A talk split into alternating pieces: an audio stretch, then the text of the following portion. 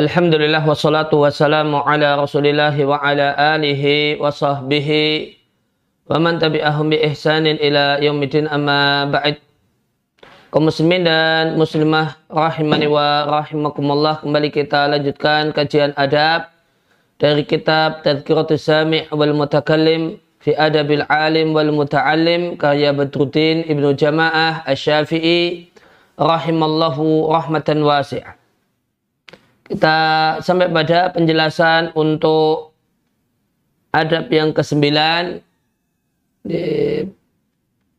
bagi seorang guru dengan muridnya secara umum dan di kelasnya secara khusus. Qala syarih wa faqahullahu Musannif rahimallahu ta'ala menyebutkan adab selanjutnya yang semestinya dimiliki oleh seorang alim, seorang guru bersama siswa-siswanya wa fi halqatihi dan di kelasnya ya, ya, yang ini adalah merupakan adab yang ke-9 dari sejumlah adab al-ma'dudah yang terhitung dalam fasal ini. Fa'arsadal mu'allima maka musannif rahimallahu ta'ala memberikan bimbingan kepada ya, guru untuk memperhatikan keadaan siswanya. Fa'idha salaka talibu fitahsili maka jika guru melihat eh, bahasanya siswanya itu menempuh fitahsili dalam belajar ya, kegiatan fauqa mayak tadihi haluhu yang lebih daripada tuntutan keadaannya atau lebih dari apa yang bisa dipikul oleh kemampuannya dan guru khawatir nanti siswa ini akan bosan belajar ausahu birifki binafsihi maka guru semestinya berwasiat berpesan kepada murid tersebut untuk bersikap yang lembut dan baik terhadap dirinya. Hal tersebut anna kudaral khalqi dikarenakan kemampuan orang itu mutafawitatun itu berbeda-beda. Maka tidak semua orang dari murid-murid yang ada yakunulahu minal kudrati memiliki kemampuan al kudratu tamatu kemampuan yang sempurna al kamilatu yang lengkap sehingga berbagai macam ilmu itu terasa mudah baginya. Maka mu'allim seorang guru sepatutnya yurai memperhatikan kemampuan murid-muridnya. Dan jika dia lihat di antara murid-muridnya itu ada seorang yang membebani dirinya untuk melakukan satu hal di atas kemampuannya itu lebih dari kemampuannya dan kemampuannya. Kemudian syekh yaitu guru khawatir muridnya ini akan bosan belajar pada akhirnya. Atau khawatir siswanya ini inzi'at merasa terganggu dengan belajarnya. Karena sudah berada di titik jenuh Fa'innahu yusihi maka hendaknya guru berpesan kepada uh, murid yang seperti ini agar bersikap yang lembut dengan diri sendiri. Jadi uh, karena guru ngerti murid ini bukanlah tipikal uh, sempurna. Bukan karakternya karakter orang yang bisa terus menerus uh, memaksakan diri untuk meraih hal-hal yang yang tinggi. maka dipesani ya, belajarnya jangan terlalu diporsir. nanti uh, bukan hanya badan yang letih, namun jiwanya letih. Akhirnya mogok.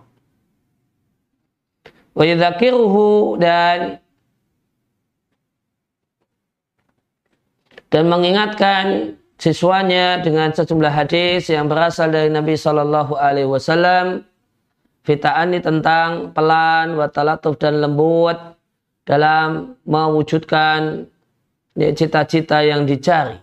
Di antaranya hadis yang disebutkan oleh uh, Musanib atau penulis rahimallahu ta'ala Innal mumbita la ardan qata wala zahran abqa.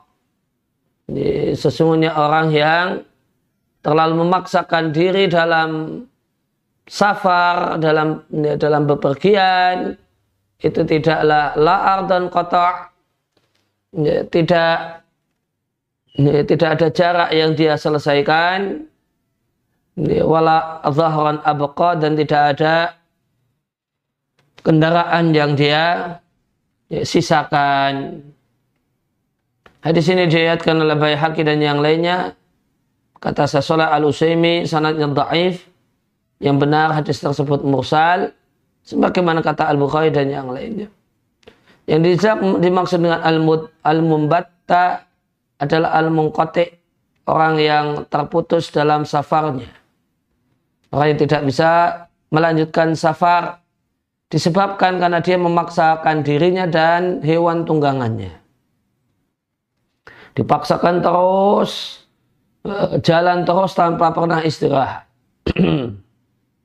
tanpa pernah istirahat, akhirnya kecapean. Dan dalam titik kecapean, onta tunggangannya itu dalam sampai titik mogok, tidak mau diapa-apain, mau dipukuli, mau di ini dia lebih rela mogok daripada lanjut jalan. Maka tatkala musafir ini membebani dirinya dan hewan tunggangannya, hewan tung yaitu ontanya, dia bebani dengan beban yang itu lebih dari kemampuannya.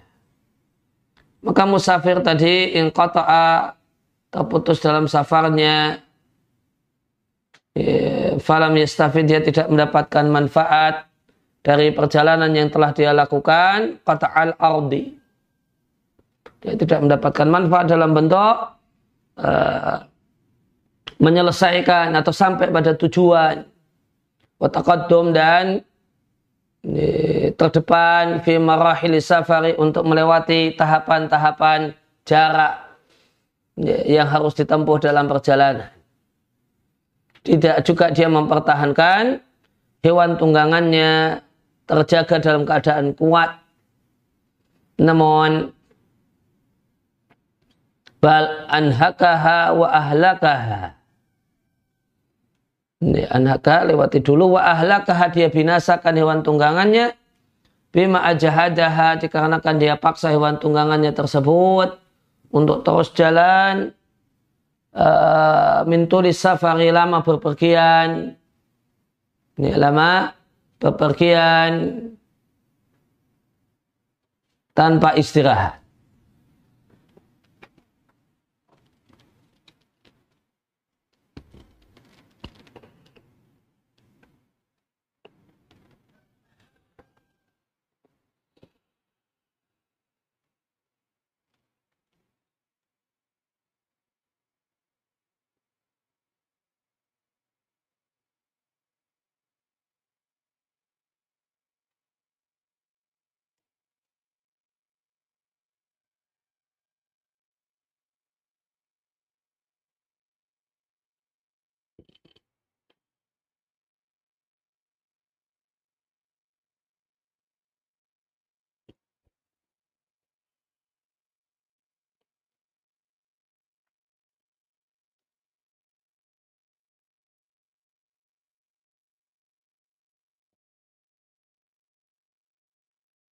Anhaka maknanya balaghahu fi iqabihi atau anhaka fil amal jahadahu yuji. Ya, memaksanya dalam kerja. Ya, maka ini hadis ini ya, meskipun sanad yang dhaif maknanya benar. Dan bisa diambil pelajaran dalam hal ini ya pentingnya istirahat, pentingnya refreshing untuk sebagian orang. Jadi belajar pun ya perlu refreshing, perlu libur. Libur itu menyenangkan jiwa. Kalau tapi itu umumnya orang. Meskipun ada orang-orang yang masa Allah semangatnya. Ya, dia merasa tidak perlu refreshing, bahkan belajarnya itu refreshing hati untuknya. Tapi itu tidak semua orang bisa demikian. Kita bicara pada orang yang itu berbeda-beda. Manusia itu kata Nabi, bahan tambang ya, ya, seperti bahan tambang yang macam-macam. Tidak semua kualitasnya emas. Ya. Ya. Sehingga yang kualitasnya bukan kualitas emas ini gimana supaya tetap bernilai. Nah itu di, di sini penting libur, refreshing, rehat sejenak untuk kemudian melanjutkan perjalanan menuju cita-cita. Wal ahadis dan hadis-hadis yang diatkan dari Nabi Shallallahu Alaihi Wasallam ya adalah makna yang mengandung pesan semacam ini kathiratun banyak. Wamin hati antaranya hadis yang ada dalam Sahih Bukhari dari Abu Hurairah Nabi Shallallahu Alaihi Wasallam menyampaikan al qasda al qasda tabluhu. Ini wal qasda qasda. pertengahan saja, pertengahan saja e, serius tapi santai gitu kata orang. Tabluhu sampai. Hmm. Tapi sampai tidak serius ya nanti nggak sampai. Serius terus tanpa pernah ini akhirnya kepayah. Diatkan oleh Muslim dari Ibnu Abbas, Sunnah Nabi Shallallahu Alaihi Wasallam mengatakan kepada seorang sahabat yang bernama Asyadji Abdul Qais. Ada sungguh ada pada dirimu dua sifat yang dicintai oleh Allah yaitu kalem, tidak mudah emosi, wal anah dan pelan, tidak tergesa-gesa.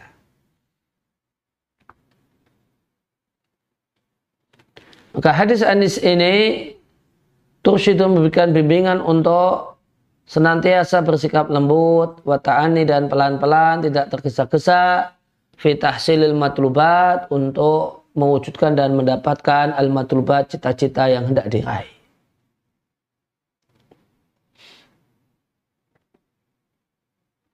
Maka me, menjelaskan, menyebutkan hadis-hadis ini akan mendorong jiwa banyak orang untuk senantiasa al-anak pelan, tidak tergesa-gesa, dan pertengahan dalam rajin dan sungguh-sungguh.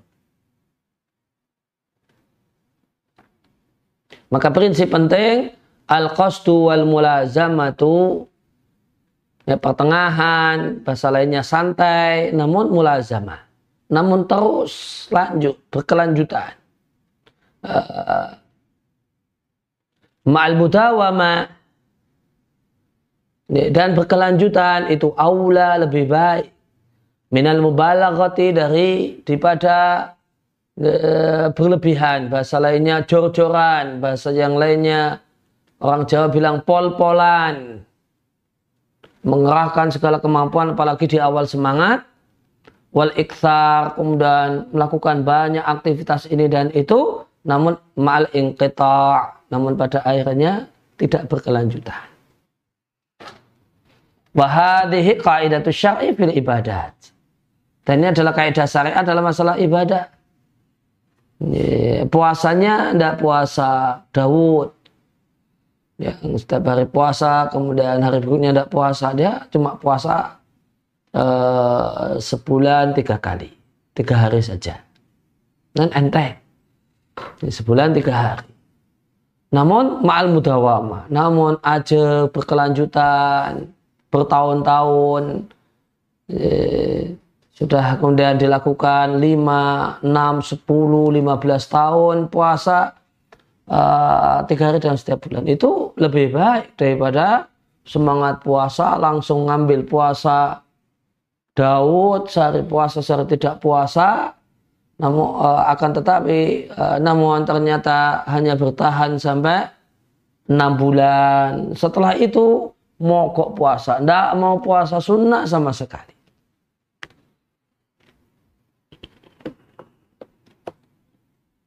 Maka ini kaidah penting bahasanya al-qasdu pertengahan bahasa bebasnya santai. Ya. Namun mulazama terus ma'al mudawama berkelanjutan itu lebih baik daripada jor-joran, pol-polan, sungguh-sungguh mengerahkan segala tenaga wal iksa kemudian banyak yang dilakukan mal kita namun tidak bertahan lama.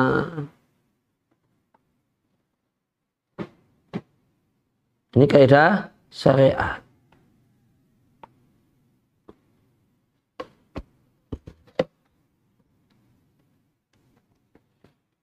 Fa'ina syara karena syariat itu memuji ibadah yang berkelanjutan meskipun kadarnya sedikit dan mencela inqita al ibadati ibadah yang terputus yang tidak berkelanjutan walau kasurat meskipun kadarnya banyak. Dalam Sahih Bukhari dan Sahih Muslim dan ini adalah redaksi Muslim Nabi Shallallahu Alaihi Wasallam bersabda, wa'lamu an ahabal amal, amali ilallahi adwamuhu wa in qalla. Ketahuilah bahasanya amal yang paling Allah cintai adalah yang paling kontinu, yang paling rutin. Wa in qalla meskipun kadarnya sedikit. Inilah keadaan yang sepatutnya seorang muta'alim, seorang siswa itu senantiasa eh, berada padanya fi dalam belajarnya Fayakunun maka ndaklah dalam belajar menjadi seorang yang muta'anian. Orang yang tidak tergesa-gesa, orang yang tenang, muktasi dan pertengahan, hati dalam rajinnya. Rajinnya pertengahan saja. Jangan pol-polan. Yang habis itu Eh, berujung malas. Namun rajin yang pertengah.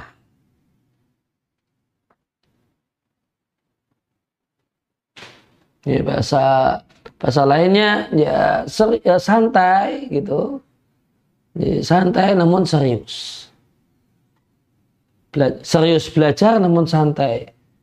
Kata bahasa lainnya serius belajar tapi tidak ngoyo, nggak ngoyo. Kata orang Jawa.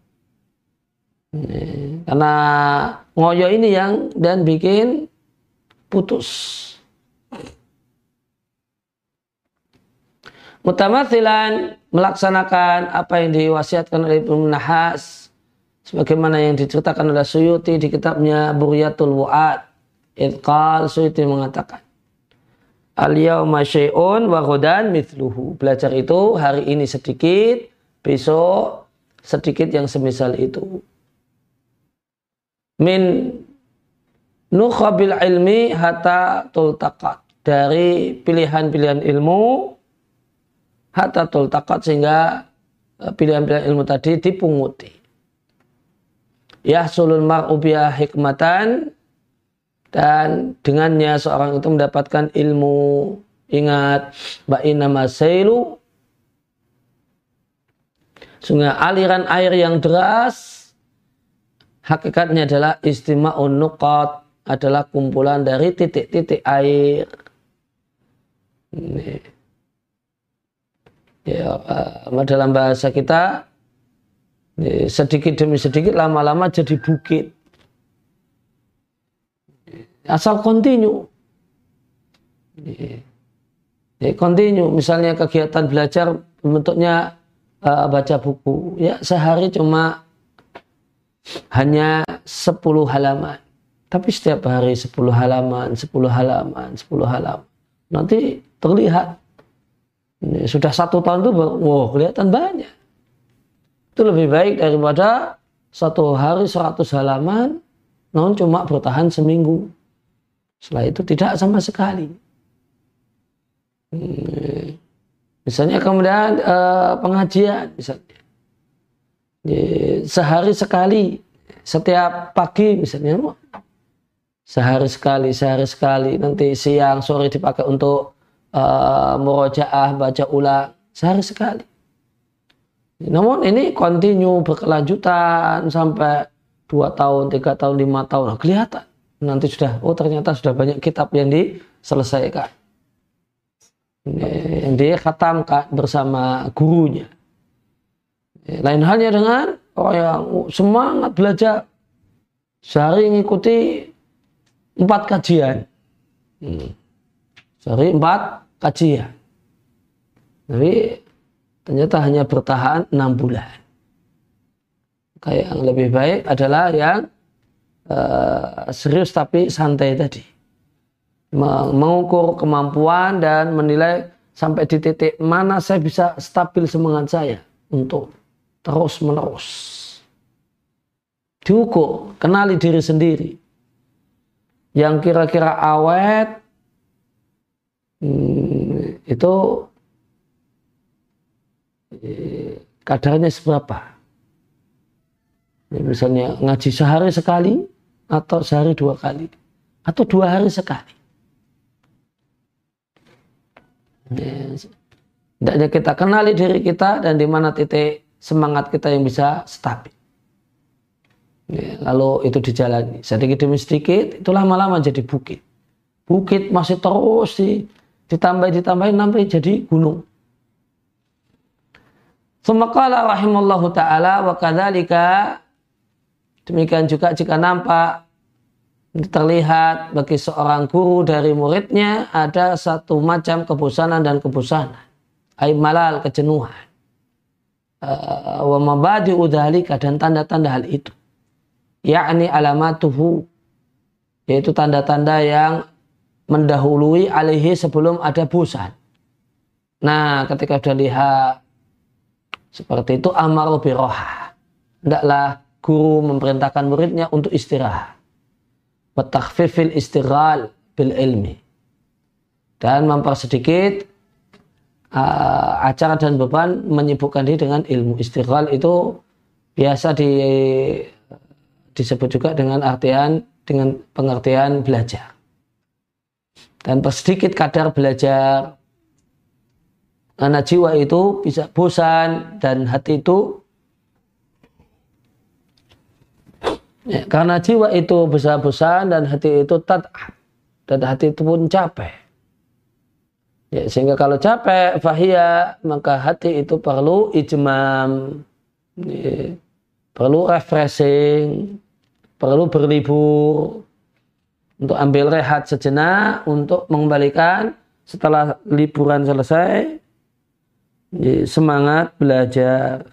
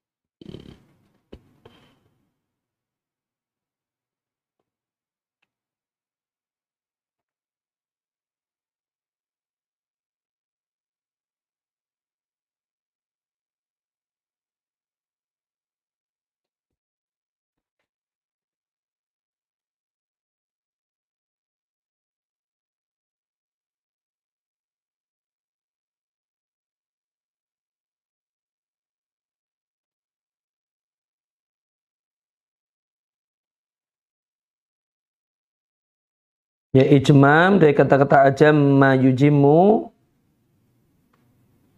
artinya istaroha fadhahaba iya'uhu istirahat sehingga capek hilang. Ya refreshing.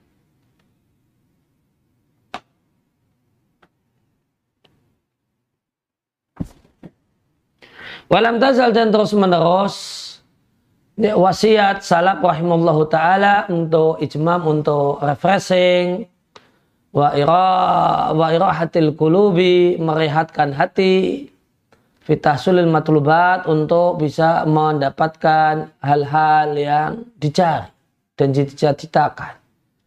E, itu dinukil dari mereka salaf ya, wahid dan ba'da wahidin satu demi satu. Contohnya perkataan Ali radhiallahu anhu rawihul quluba fa innaha tad'abu kama tad'abul abdanu. Rehatkan hati ber, ber uh, refreshinglah. Di fa innaha maka hati itu capek sebagaimana badan itu capek. Wajah asya'u dan syariat pun datang menjelaskan Bitagrir menjelaskan ya, prinsip ini dalam hukum-hukumnya. Dalam apa yang Allah wajibkan atas hamba-hambanya min arkani berupa rukun semacam di, di, semacam sholat, puasa, zakat dan haji. Maka syariat ro'a memperhatikan dalam ibadah-ibadah ini hadal maksoda tujuan ini yaitu ijmamun nufus memberikan refreshing untuk jiwa wa irahatuha wa irahatuha dan merehatkan jiwa wa dan meringankan kesibukan jiwa untuk dan hati untuk mendapatkan apa yang dicari. Kemudian eh, penulis rahimallahu taala menyebutkan di antara yang tercakup dalam adab ini adalah seorang guru semestinya tidak memberikan saran kepada muridnya untuk mempelajari satu ilmu yang layah tamiluhu fahmuhu yang uh, dia tidak mampu memahaminya. Pemahamannya belum sampai ke situ atau usianya belum sampai situ. Demikian juga jangan mempelajari satu buku. Yaksuru dhihnuhu an fahmihi. Yang pikirannya itu tidak mampu untuk memahaminya. Karena maksud seorang guru dengan aktivitas mengajar adalah dalalatun nasi alal khairi. Membimbing atau menunjukkan orang kebaikan. Kebaikan itu di sini. Dan di antara yang e, melambankan, di antara yang membuat lamban dari kebaikan dan membuat duduk ya, dari kebaikan tidak lanjut ya, dalam kebaikan adalah membebaninya sesuatu yang dia tidak mampu memikulnya. Boleh jadi karena keterbatasan pemahamannya atau karena belia usianya.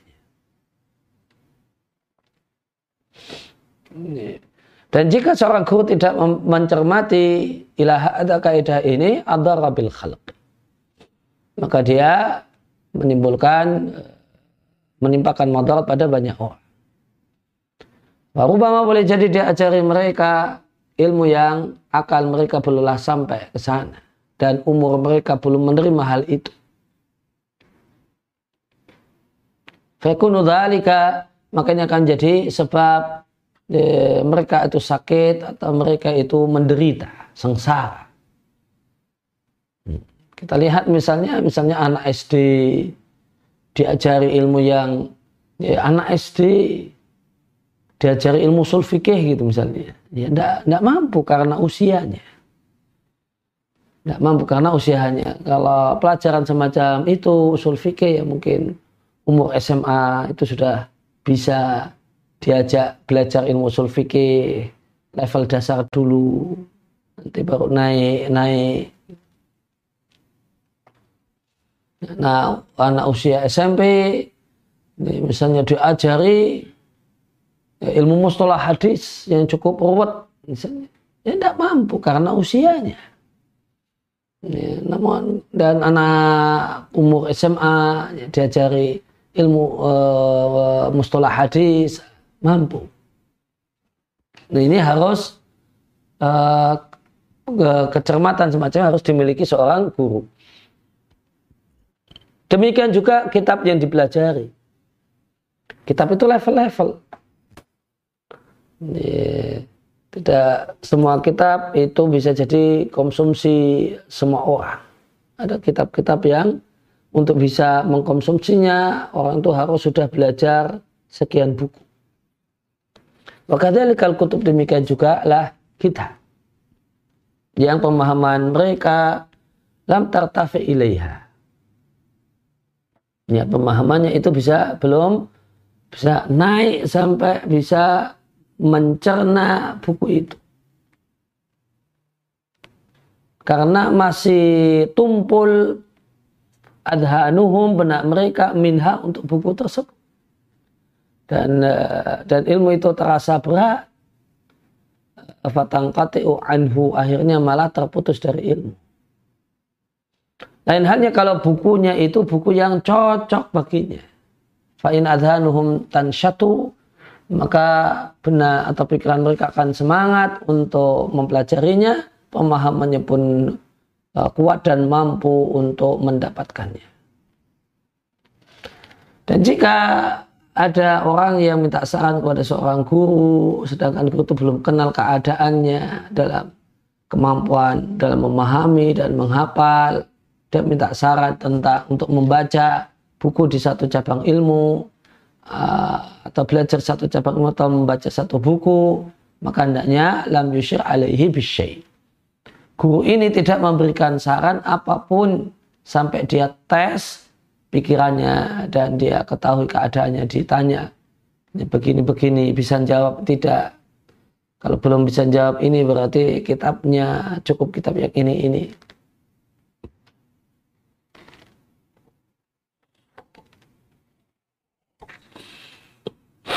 Fal majhulu maka orang yang tidak dikenal, yang tidak diketahui keadaannya, maka orang semacam ini tidaklah ditunjukkan padanya jalan.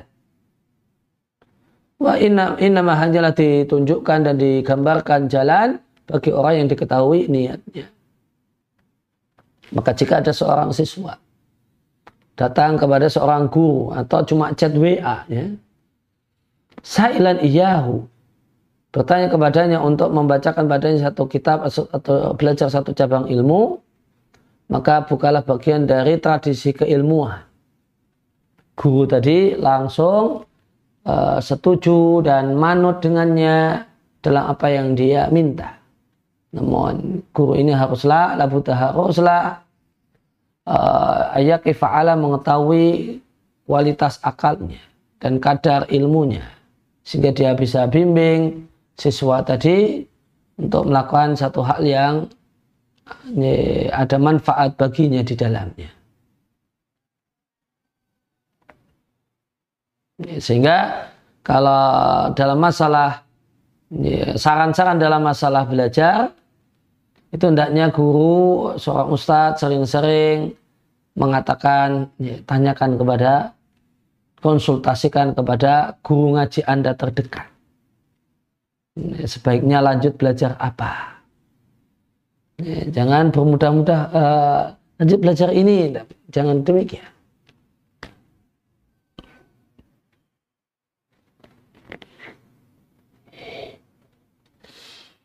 Ya, wa kana hadha huwa hamilu inilah yang mendorong, inilah faktor pendorong liman sabaqa minal mu'alimin, para guru di masa silam.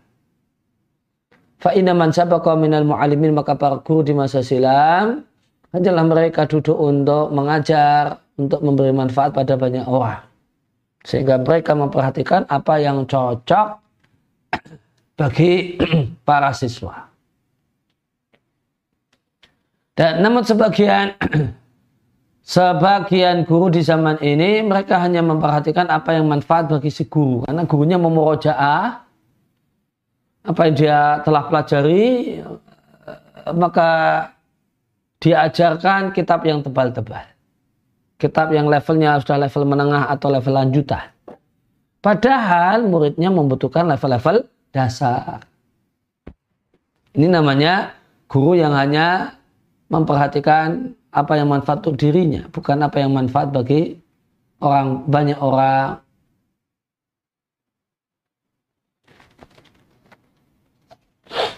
Oleh karena itu, fa'innahu maka banyak uh, para guru di zaman ini, para ustadz, Obama boleh jadi akra'u mereka membacakan alias mengajarkan di, mubtadian diawali dengan belajar musnad Imam Ahmad bayangkan atau uh, langsung kajian Sahih Bukhari. Padahal dia belum membacakan Arba'in Nawawiyah. Uh, Wahada dan ini adalah amr satu perkara yang tidaklah kami mengatakannya men, uh, mengatakannya di sini juzafan kira-kira bahkan bahkan kami mengetahui orang yang melakukan hal tersebut dengan informasi dari murid-muridnya yang akhidina yang belajar darinya.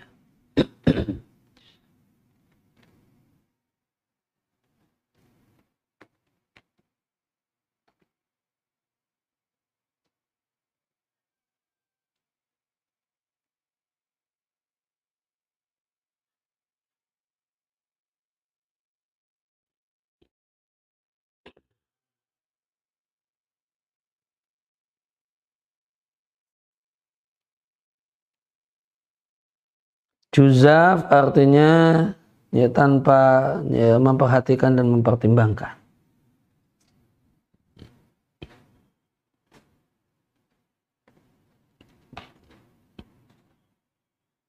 Fa'ina minan nasi karena ada sebagian orang ada man orang yang yakti datang dalam keadaan kosong dari ilmu dan dia minta ya, starihu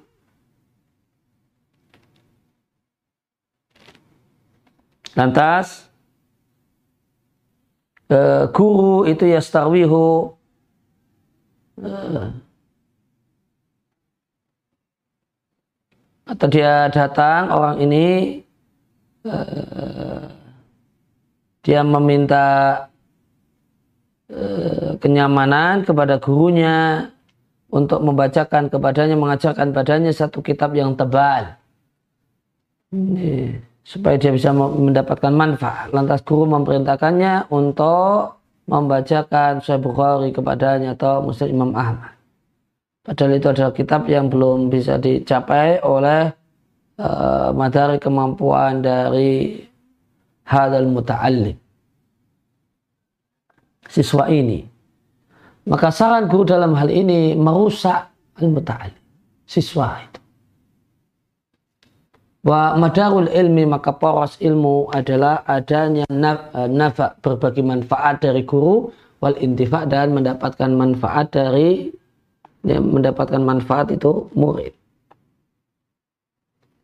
Maka jangan hanya menebar manfaat, aspek guru saja yang diperhatikan, aspek murid juga harus diperhatikan.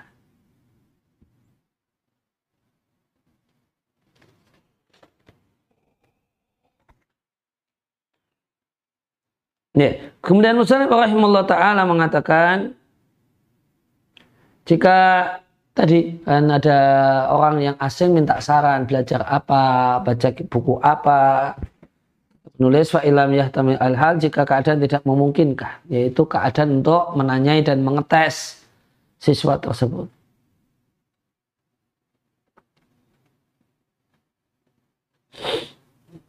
Ya, tidak memungkinkan al-halu at-takhir ditunda. Maka guru bisa mengasih saran kepadanya dengan satu kitab yang mudah di satu cabang ilmu yang diinginkan. Artinya dia mulai dengan memberikan arahan untuk mentelaah kitab yang ringkas, yang jelas, yang bisa dipahami oleh umumnya pemahaman orang. Faidaro'ahu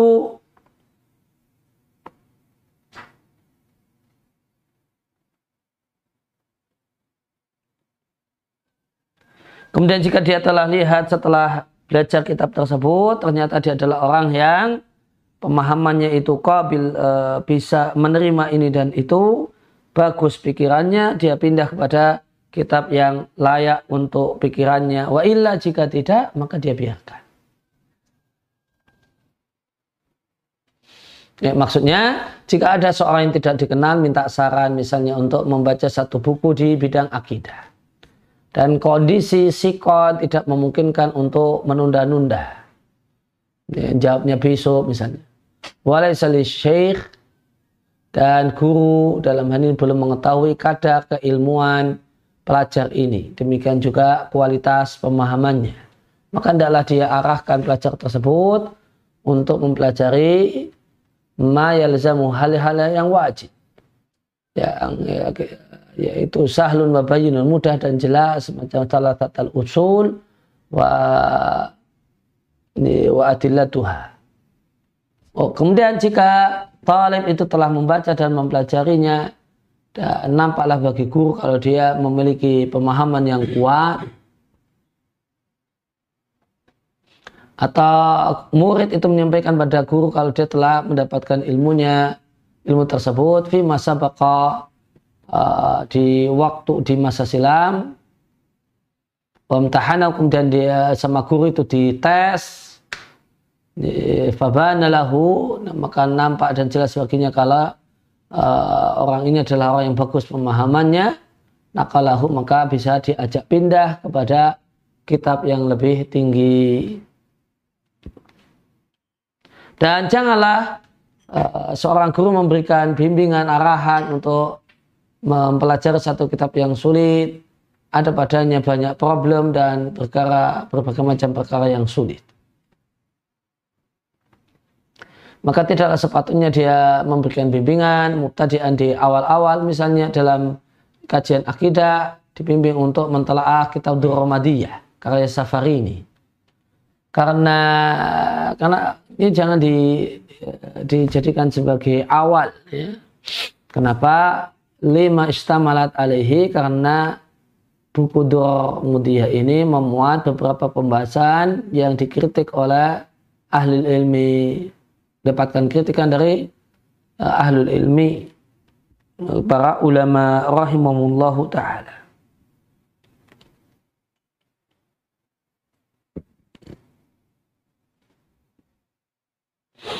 Ya, uh, karena kitab ini memuat beberapa pembahasan muntaqadah yang mendapatkan kritikan dari para ulama. Dan siapa yang menempuh ya, metode semacam ini bersama siswa-siswanya, maka ini memberikan faedah menguatkan pikiran, memperbagus pemahaman, dan mengajarinya ilmu sebagaimana sepatutnya. Kemudian Muslim rahimahullah ta'ala memberikan bimbingan dan arahan tentang ilah alasan yang mendorong hal itu beliau katakan di anak talib karena mengajak siswa untuk berpindah. Lama pada satu ilmu yang e, memindahnya itu menunjukkan kalau bagusnya pikirannya. Maka itu menambah keakraban.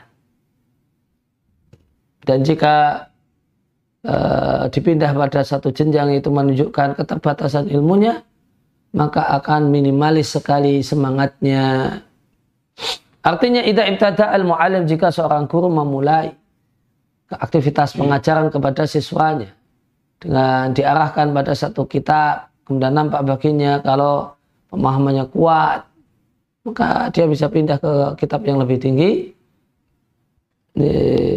Kepada satu kitab a'la yang lebih tinggi maka siswa itu akan merasa nyaman dan menyukai ilmu dan perhatian dengan ilmu Wa idza aka akasa dalika jika dibalik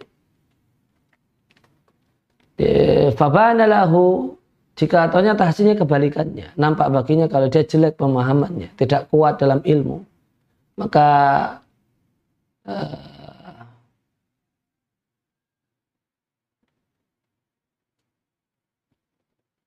Fa'arata aksal amri maka uh, seorang guru kemudian ingin membalik perkara dengan memindahnya kepada kitab yang lebih rendah daripada kitab sebelumnya. Fa inna dalika hal tersebut akan menggembosi semangatnya, akan mempersedikit uh, energiknya.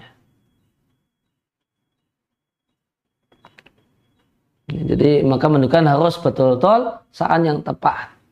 Karena ketika dibawa naik ke kitab yang lebih tinggi ternyata tidak mampu, uh, atau dan mampu, ah, maka dia akan semakin nyaman dengan ilmu. Namun jika ternyata dia tidak mampu, maka ini dia akan gembos ya. Ini. Yang berapi-api itu akan meredup. Oleh karena itu, eh, maka ngasih saran harus betul-betul ya, tepat.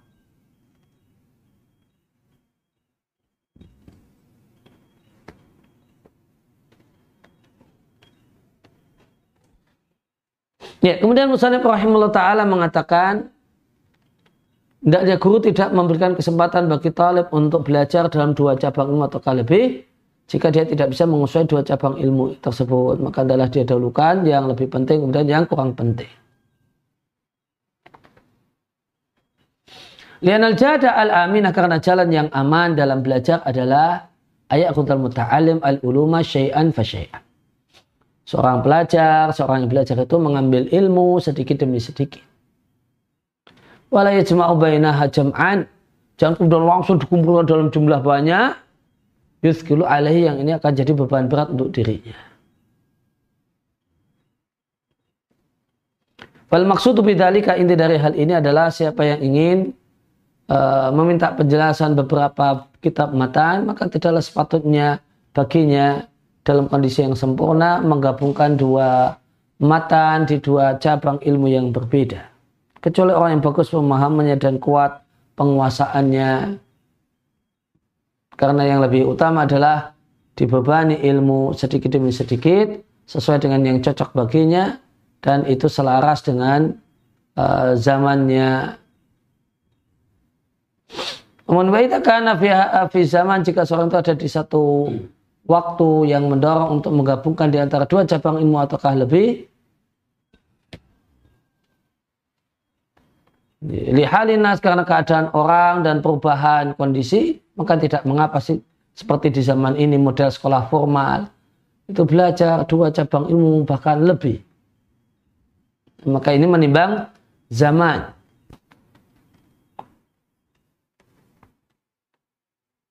Menimbang zaman. Jika seorang itu di dalam zaman, zamannya itu sudah mendorong untuk penggabungan beberapa ilmu dalam satu waktu, bahkan dua, tiga, empat ilmu dalam satu waktu, dalam satu hari.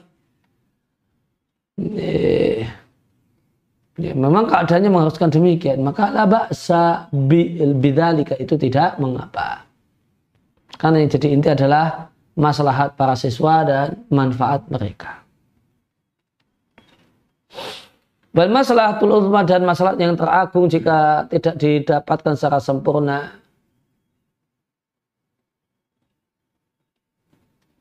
Fa'ina yusabu maka dia tertimpa ma yudraku minha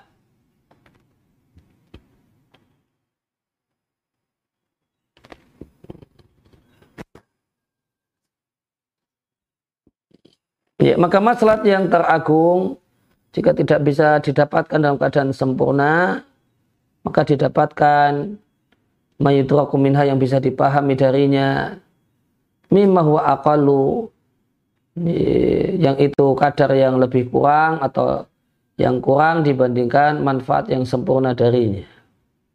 Oleh kan itu salah satu lama Syangqid uh, eh, Mirutania mengatakan musyiran memberikan isyarat ila hadal makna pesan semacam ini.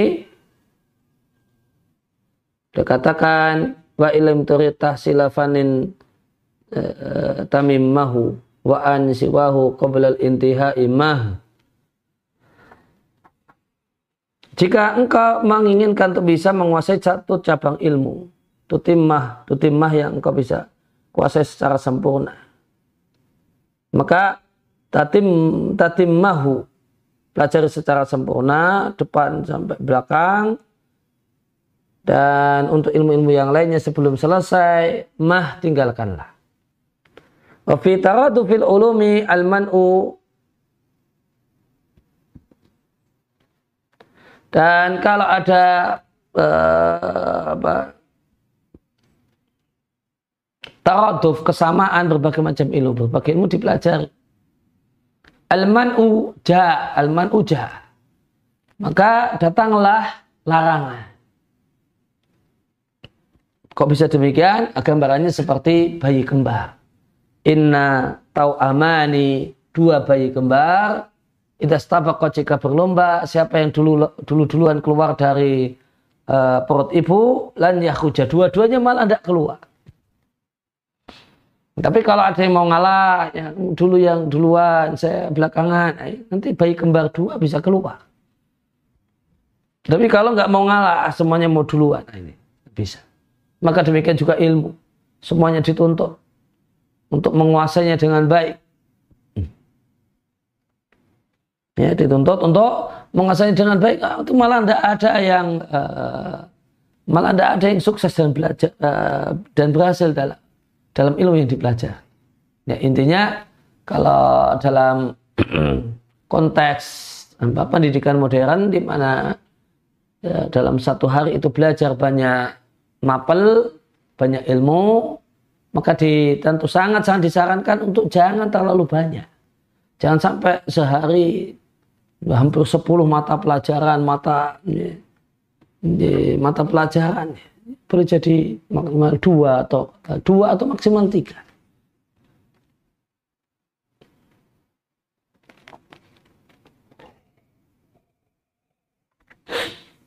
Ya, tadi ada kata-kata di bait mah kalimat zajrin larangan yakni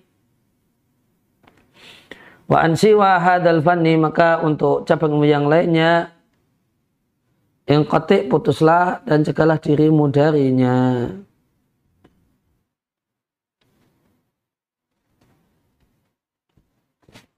Maka kemudian Musanib rahimahullah ta'ala mengatakan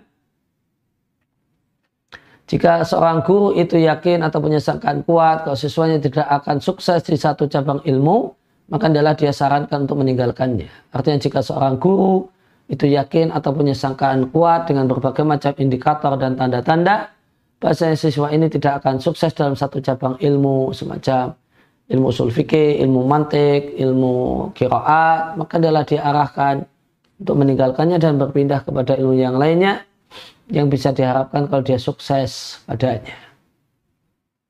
Fal mu'allim maka seorang guru itu memperhatikan uh, kekuatan dan kemampuan siswanya, apa yang layak bagi mereka dan membimbing mereka ilama yastakmilu nabihi membimbing mereka untuk melakukan satu hal yang dengannya bisa menyempurnakan mm, uh, penyebaran manfaat dan pengambilan manfaat. Melihat oleh karena itu maka jalan ilmu adalah ayu hasilal muta'alim fi kulli fannin hendaknya seorang siswa itu mempelajari di setiap cabang ilmu satu matan yang ringkas. Karena matan yang ringkas fil adati jariyah biasanya adalah satu hal yang tashtariku al ahdunul khalqi. Di pikiran banyak orang itu sama. Fifahmi bisa memahaminya Wa mawara adzalika adapun yang lainnya selain matan yang ringkas. Wa mawara adzalika huwa alladhi yatafawatu fi al-khalq. Itu adalah satu perkara yang orang itu beda-beda.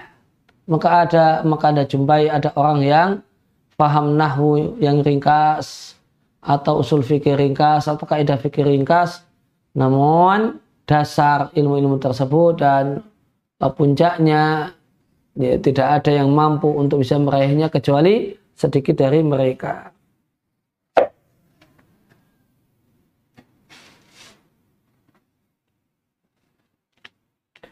Faidah wajah dan insanu maka jika seorang menjumpai setelah dia mem, eh, kegiatan belajarnya level pertama. Ya, kegiatan belajar level pertama itu belajar apa? Muhimmatil ilmi. Ilmu-ilmu yang dasar. Ya, pakai kitab yang ringkas, ilmunya ilmu dasar. Fil mukhtasarat mempelajari matan-matan yang ringkas. Setelah selesai muhimatul ilmi, ilmu-ilmu yang dasar, ternyata dalam dirinya terdapat kecondongan dan rasa cinta dan kemampuan untuk menekuni satu ilmu. Fa'inna yatawassa'u fi'i kama yasha.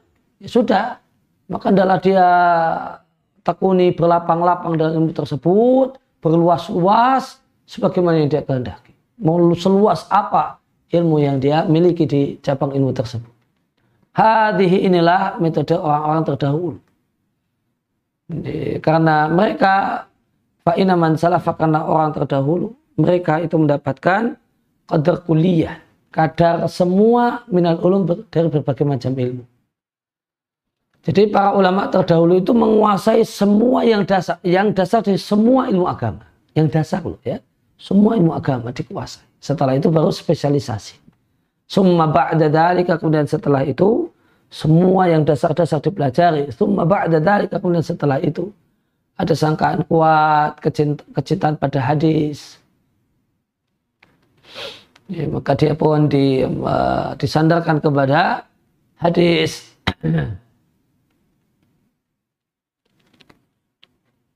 ta'alluman wa ta'lima untuk uh, belajar dan mengajarkan hadis. Dan dijumpai indah akal pada orang yang lain kecintaan pada ilmu tafsir. Maka dia dinisbatkan dan disarankan untuk rajin belajar dan mengajar mengajarkan.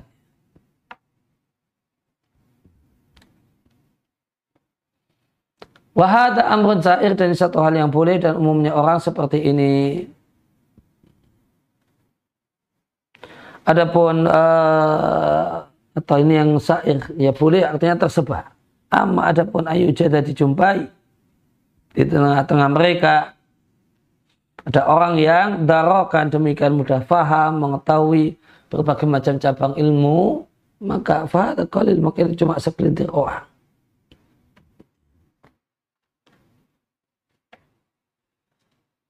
Ya fahad qalil maka itu sedikit. Dan yang sedikit itu hanyalah disiapkan untuk orang-orang yang betul-betul cerdas sebagaimana kata Syaukani rahimallahu taala. Ya, demikian yang kita belajar kesempatan kali ini. Sallallahu ala nabiyina Muhammadin wa ala alihi wasallam wa akhiru da'wana alhamdulillahi rabbil alamin. Subhanakallahumma wa bihamdika asyhadu an la ilaha illa anta astaghfiruka wa atubu ilaik.